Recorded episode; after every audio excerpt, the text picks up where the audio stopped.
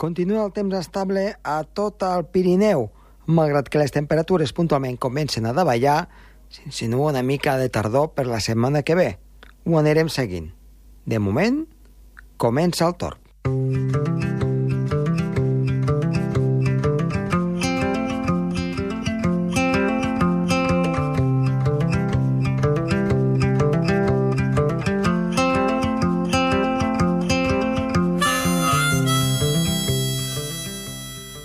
Doncs molt bona tarda a tothom. Avui en el programa Tor el que parlarem serà amb Gerard Tauler sobre els termòmetres i les gàbies meteorològiques. Quines són millor, les de fusta o les de plàstic? Ho discutirem. I després tindrem un tema amb el qual doncs, eh, farem una miqueta més llarg, ho, ho aprofundirem una miqueta més sobre el que seria, atenció, en aquest cas, les gotes fredes o les danes. Són aquestes depressions en alçada que afecten tant al Pirineu com també especialment a les zones mediterrànies. Ho farem tot plegat amb Sergi Càrceles, a més a més de la previsió meteorològica pel cap de setmana. Som-hi!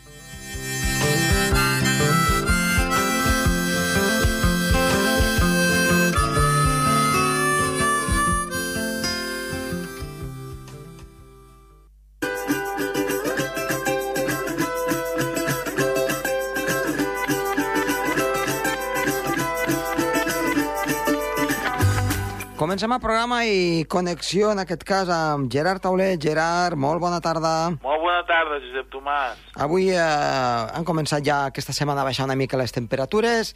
Sembla que la cosa, després d'aquesta lleugeríssima, hem de dir-ho així, lleugeríssima davallada de temperatures eh, al Pirineu, tornem cap amunt i ara ens explicaràs eh, un tema també que va relacionat amb les temperatures. Però abans et vull dir una cosa perquè no sé si ho saps, però eh, s'han enregistrat al Pic du Midi i també aquí al Principat d'Andorra, a, a, a l'estació eh, de les Fonts d'Arinsal, que està a 2.800 metres, eh, més de 100 dies sense gelades.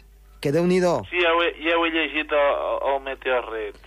Déu-n'hi-do, déu nhi déu eh, I es veu que, sobretot, al Pic du Midi feia més de 130, 130 anys que, no, que això sí, no passava. Sí, sí, és que ha fet un estiu de bojos molt calent. Molt Sí, sí, però calent. sense... No, no va pas bé per la salut tanta calor. No, però eh, excessives calorades de 40... Eh, no, ha sigut no però potser... la persistència de les Ah, altes exacte. temperatures. Persistència. Que no, no han baixat de 18. S'ha fos molta neu a les glaceres. Bé, doncs escoltem, eh, avui ens has de parlar justament de temperatures, no? Temperatura, sí. La temperatura, perquè sigui considerada oficial, ha de ser mesurada dins d'una gàbia meteorològica, i normalment són les de plàstic, ai, les de, les de fusta, les que Mhm. es consideren oficials, que es diuen gàbia de Stevenson, abans es deia de Montsaurís. La Montsaurís estava una mica coberta per baix i donava mínimes més baixes que l'actual, que, que és l'oficial, Mhm. i que dona més bones dades, i, i, i les màximes més altes. Mm. I més ha d'estar la, la gàbia damunt d'un terreny natural, doncs, que amb herba, o fusta, amb herba o, o terreny, per exemple, si estem al desert sobre sorra. Mm. I, i si ens trobem en un lloc que hi ha pedra, eh, Doncs sí, és vàlid també? un terreny natural, sí, sí, sí. Val, o sigui, no hi hem de ficar especialment herba.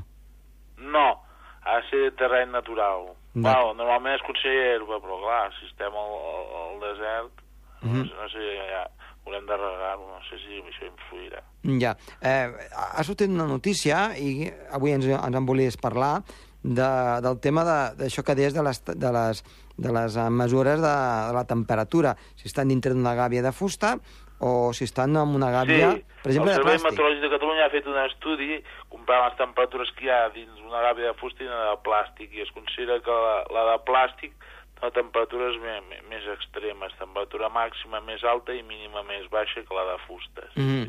Llavors no serien oficials? Doncs consideren ells que són millors les dades de fusta. Mhm. Sense ser considerades oficials, però és millor la, de- la, la de fusta.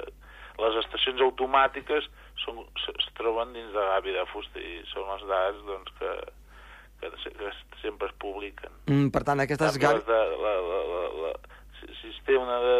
Home, abans de, de tenir el, el sensor a fora, és millor tenir-lo d'una gàbia de Clar, plàstic, però clar. millor si es pot tenir una gàbia de fusta, però a, a vegades és, és molt complicat això, sobretot, clar, si, si és, és un lloc de difícil accés o, o no pots posar un, una gàbia de fusta mm -hmm. per, perquè eh, t'impedeix l'Ajuntament posar-hi una gàbia de fusta com a mi a Sal que no, no, no m'han deixat una llicència d'obres per posar-hi una gàbia de fusta, doncs clar.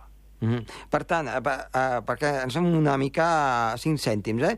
eh? Per exemple, la típica de semiprofessional, no? Aquesta, la, la Davis, la més bona que pugui haver, que és, que és de, de plàstic... De plàstic no seria mm. del tot oficial. Ja, no, no seria del tot bo. Seria aproximat... Marca una mica més de màxima, sobretot diuen les d'avis Vantage la que sí. tenia Sarrià marca una mica de més. Ja. Ves que han fet observacions en laboratori, no només al Servei Meteorològic, altres llocs, i, i, i, i s'ha de mesurar dins d'una gàbia la temperatura, sobretot les mínimes, perquè si, si es mesuren fora, doncs clar, la, la radiació, la pèrdua de calor yeah. a, mm -hmm. a, a la nit doncs produeix un, un refredament de, de, de, de, del sensor de temperatura del termòmetre per, per de sota la temperatura real. Ja, I, i llavors aquestes, eh, les estacions automàtiques, les oficials, siguin de Meteo France, AIMET, del Servei Meteorologia de Catalunya, sí. eh, del nostre Servei eh, de Meteorologia d'Andorra. Eh, les estacions aquestes automàtiques haurien de tenir la gàbia meteorològica de fusta. Sí, sí. Per tant, de plàstic mm, no seria... Millor que no, però, però jo no, tampoc tampoc jo no, no he anat a veure gaires. Uh mhm. -huh. Per exemple, l'AEMET aquí a Girona, la, la, la, l'AEMET, es troba al parc del migdia, que ja es troba dins d'una gàbia de fusta. El servei meteorològic l'he vista de lluny, no, no sé si es troba dins d'una gàbia de fusta o d'una uh mhm. -huh. gàbia de plàstic. Mm, clar, estic pensant, a uh, gàbies de fusta que estan a quasi eh, més de 2.000 metres, amb, amb les inclemències del temps, clar, han de tindre un, diguem un manteniment molt, molt acurat, no? Sí, sí, sí, s'han de pintar sovint, clar, perquè si no, si, si es troben una mica despintades... Eh, ja està. Clar, l'albedo és menor i s'escalfa i donen dades doncs, més, més altes de les reals. Mm -hmm. Per tant, és força és, complicat. És, és complicat això del món de la meteorologia, és molt costós, eh? Sí. Jo vull dir que la gent que, que s'hi dediqui, que pensi estalviar diners, si vol tenir unes dades fiables, perquè si no... Si no, malament rai. Malament rai, sí. Doncs, eh, Gerard, moltíssimes gràcies i t'esperem la setmana que ve. Adéu-siau. Adéu, fins la setmana adéu. adéu.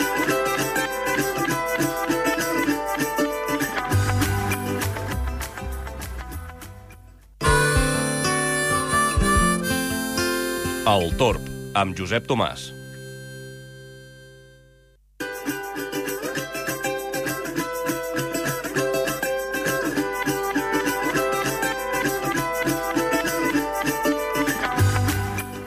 Continuem amb el programa i ara doncs parlem amb el nostre company amic, en Sergi Carceres. Sergi, bona tarda.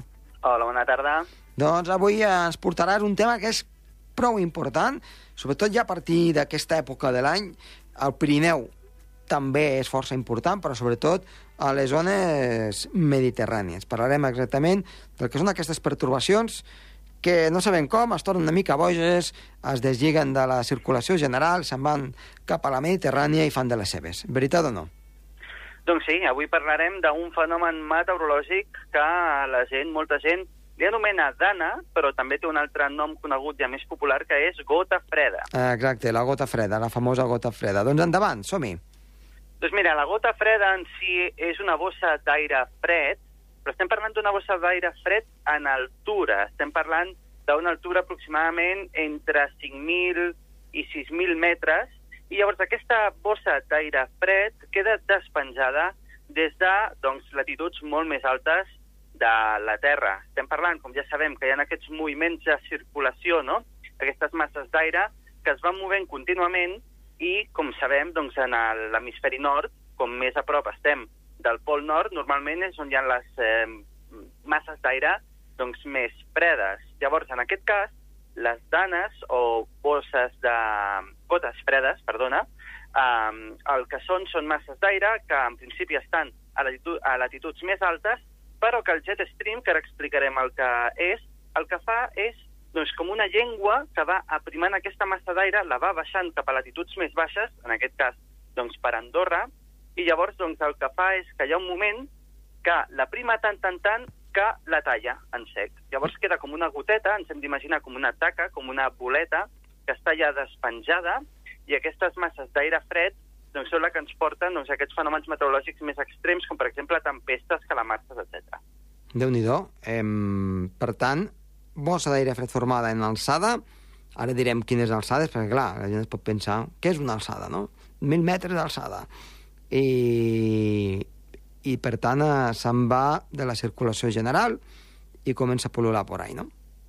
Doncs sí, estem parlant d'alçades entre, com hem dit, 5.000, 6.000 metres de- d'alçada, Mm -hmm. i llavors, doncs, aquestes... Quina diferència té, per exemple, les gotes fredes, que diem nosaltres, del que vindria a ser les depressions? Sí. Les depressions fredes. Això és molt important, perquè, clar, la gota freda no té res a veure amb qualsevol um, fenomen que es produeixi en superfície. Nosaltres, normalment, quan veiem els mapes del temps a les televisions, veiem doncs, la pressió atmosfèrica en superfície. Aquí tenim els anticiclons i les depressions, les borrasques. Nosaltres sabem que quan hi ha borrasques o depressions és un sinònim de mal temps o el que vindria a ser pluges i dies ennuvolats. Però les gotes fredes es poden formar amb anticiclons i anticiclons bastant forts. Per això hem de dir que la diferència entre la gota freda i la depressió és que la gota freda, aquesta massa d'aire fred, únicament afecta en altura.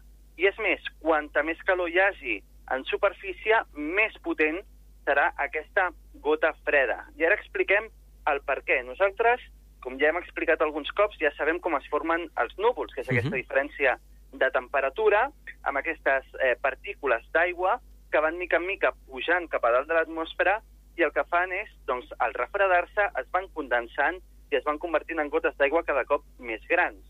Llavors, què passa? Que quanta més diferència hi ha de temperatura entre superfície i altura, més ràpidament es van condensant aquestes gotes i més quantitat. Per això, quan diem, sobretot, les gotes fredes, que són més perilloses, quan és? És a la tardor, pel fet de que tenim a prop el mar Mediterrani, un mar molt càlid, que té moltíssima humitat i és bastant càlid, sobretot aquesta època de l'any, amb temperatures entre 25 i 26 graus, i el que fa és que la superfície també sigui bastant càlida. Llavors, tota aquesta temperatura, aquesta diferència de temperatura, anar pujant, és quan es formen aquestes tempestes de tarda tan fortes, tan potents, i anem a dir uns valors, i és que per als més aficionats a la meteorologia, quan la diferència de temperatura entre superfície i altura sigui superior a 36 graus, Mhm. llavors tindrem doncs, moltes probabilitats de que es formin tempestes i fenòmens atmosfèrics molt elevats. Mm -hmm. Per tant, 36 graus estàs parlant. Sí, és més o menys un barem aproximat, Mm. evidentment la natura no és exacta, Mm. però sí que si, per exemple, tenim, eh, anem a posar un exemple, 20 graus de temperatura en superfície, però a, en altura, a, a, el que diem nosaltres, a 500 hectopascals, Sí? hi ha una temperatura de, per exemple, menys 16 graus o 16 graus sota zero, Mm. aquesta diferència ja pot crear tempestes que seran bastant fortes. Evidentment, quan més alta sigui la diferència de temperatura entre aquests dos espais, entre superfície i altura, més fortes seran les tempestes i més destructives. Clar, imaginem ara una típica bosseta d'aire fred que moltes vegades es veu entre els 25, potser 30 graus sota zero. Clar, això és una bomba termonuclear, pràcticament, eh? Doncs sí, sí, sí. Clar, també depèn de la- de l'època de l'any. Mhm. Les bosses, les bosses aquestes d'aire fred en altura també són més fredes a l'hivern que a l'estiu. També queden afectades doncs, per les estacions a l'any, no? Ja. Però més o menys sempre doncs, anem recorrent aquests barems entre 36, 38, 40 graus de diferència. Evidentment, quan les temperatures són molt més diferents, ja estem parlant d'episodis bastant puntuals que són molt destructius i és quan es forma la pedra, la calamarsa, fenòmens atmosfèrics i meteorològics doncs, molt, més, eh, molt més forts. I al final, doncs, és això. Hem de diferenciar-ho, tornem a dir-ho, de les depressions, que és que també hi ha una massa d'aire fred o també baixes pressions en superfície. En aquest cas, la gota freda, només hem de tenir en compte les temperatures que hi ha en altura, 500 hectopascals. Mm -hmm. Per tant, seria una dana, no?, també, que és una depressió aïllada eh, en alçada, se li podria, seria el sinònim. Sí, i bé, podríem explicar que, per exemple, a Andorra han hagut casos de, de danes que Mhm. han afectat bastant. Una dada que tenim, per exemple, va ser el 2018. No sé si te'n recordes. A l'agost del 2018, una gota freda doncs, va descarregar amb molta força a la frontera sud del país. Sí. Estem parlant per la zona, doncs, la frontera amb Catalunya, diríem. I Mhm. va ser, doncs, unes grans inundacions, a part va ploure molt de fang, va ploure també doncs, molta, molt de residu i això va afectar molt a les carreteres perquè van crear vessals d'aigua també lliscosos i van afectar a, gran part del país. És el que diem, sobretot doncs, a l'agost, setembre, octubre, aquestes èpoques de l'any en què la superfície és quan està més càlida perquè s'ha acumulat molta més energia solar i a la mínima que hi ha una mica de diferència en altura, doncs ja es creen aquestes tempestes de tarda i que poden aparèixer fins i tot a primeres hores de la nit i que bé, deixen valors i descàrregues elèctriques molt, molt importants. Uh -huh. Per tant, és, és a tenir molt en compte i, i després, és clar, el perill que pot comportar, perquè quina quantitat d'aigua es pot arribar a acumular amb una, amb una, amb una gota freda d'aquestes? Doncs bé, també depèn de la llargada de l'episodi, no? Sí? Però es poden arribar a valors entre 50 i 80 litres per metre quadrat, en casos així bastant extrems, uh -huh. i estem parlant d'aquestes quantitats poden descarregar entre una i dues hores. Sí que estem parlant de quantitats molt elevades en poc temps, i ja coneixem com és Andorra. És un país molt escarpat, en què hi ha bastanta inclinació, i a la mínima doncs, es formen aquests rius, aquestes rieres, que poden ser bastant perilloses, sobretot doncs, per a zones on abans hi havia rius o hi havia rieres i ara doncs, estan edificades. A part, uh -huh. hem de pensar que al final tot al final conflueix el Gran Valira, tot es va juntant al Gran Valira i, i bé, ara ja està bastant ben canalitzat i normalment no hi ha problemes, però sobretot el que diem, les rieres que hi han per tot el país doncs són les més afectades, sobretot a la frontera sud, a l'extrem sud del país, on al final doncs, tota aquesta aigua va corrent cap allà avall. Mm -hmm, sí, sí, i tant. I,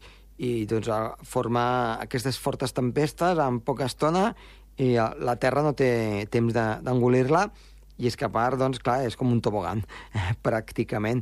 Um, alguna, alguna depressió d'aquestes en alçada que hagi estat històrica en alguna àrea propera a la nostra que, que puguis així una mica mencionar-nos eh, últimament o al llarg d'aquests darrers anys?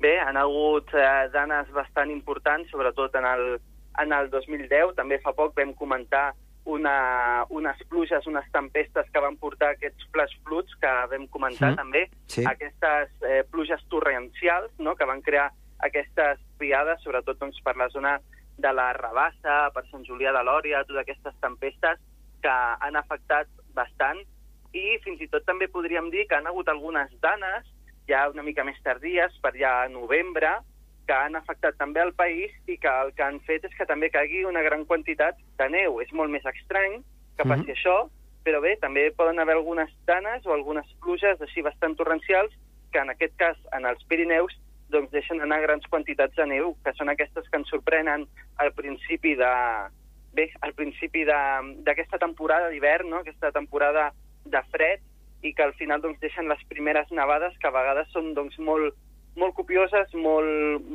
extenses i sobretot molt gruixudes, i llavors doncs, són aquestes que ens sorprenen i de cop, un dia que no teníem neu i acabem amb 50 centímetres de neu a les carreteres, etc. que és quan venen aquestes sorpreses que llavors els llevaneus doncs, han de començar a moure ràpidament perquè s'han trobat amb una nevada excepcional en molt poc temps. Mm -hmm. Aquestes, aquestes uh, uh, petites pertorbacions també poden afectar-nos fora d'aquests mesos, diguem-ne, de tardor?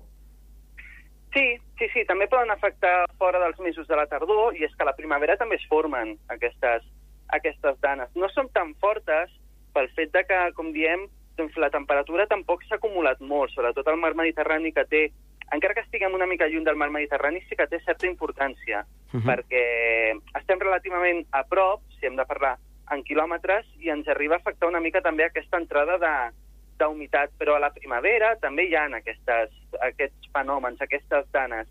Um, sobretot doncs, a partir d'abril, a partir de maig, i és que, clar, al final estem parlant que aquestes masses d'aire fredes es desplacen des de latituds molt més altes. Estem parlant de Groenlàndia, estem parlant d'Europa central o Europa del nord, i llavors, clar, en aquelles èpoques de l'any encara hi ha masses d'aire fred bastant, eh, bastant baixes, i el que fa aquest jet stream, que és el que anàvem a comentar, que són unes eh, masses d'aire, és un vent, estem parlant de vent sí. a grans altures, que el que fan és modelar doncs, totes aquestes depressions, les borrasques, fins i tot doncs, aquestes masses d'aire que estan en altura, estem parlant de vents entre 200, eh, entre 150 i 250 quilòmetres per hora, o sigui que, evidentment, aquests vents tan ràpids el que poden modelar són aquestes masses d'aire tan elevades.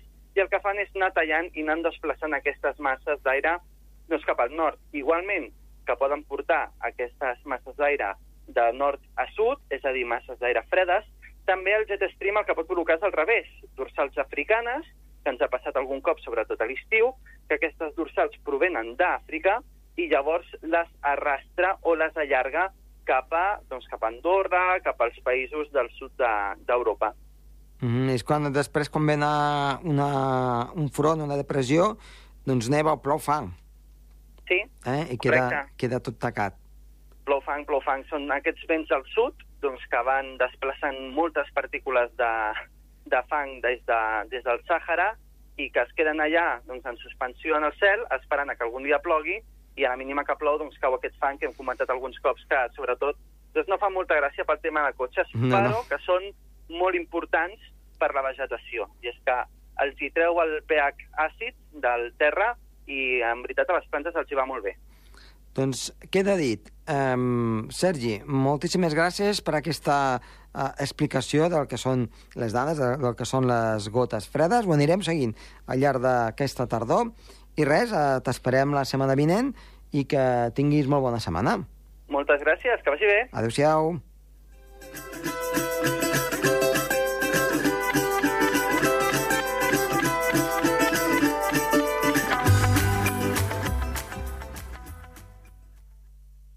El Torb, amb Josep Tomàs.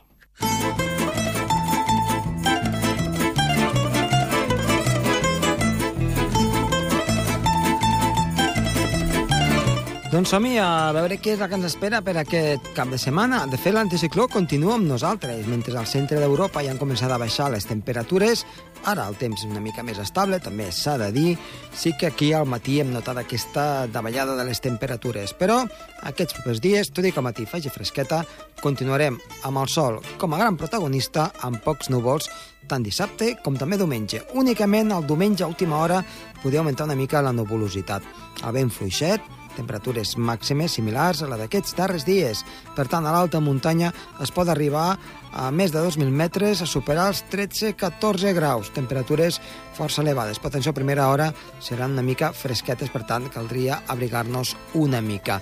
Dilluns canvia la situació, baixen les temperatures i sembla que vindria una mica més de fred amb vents del nord al nord-oest. De moment, però, sense precipitacions. Així doncs, un cap de setmana ben tranquil, assolellat, amb un temps com el que toca en quant a temperatures en aquesta època de l'any.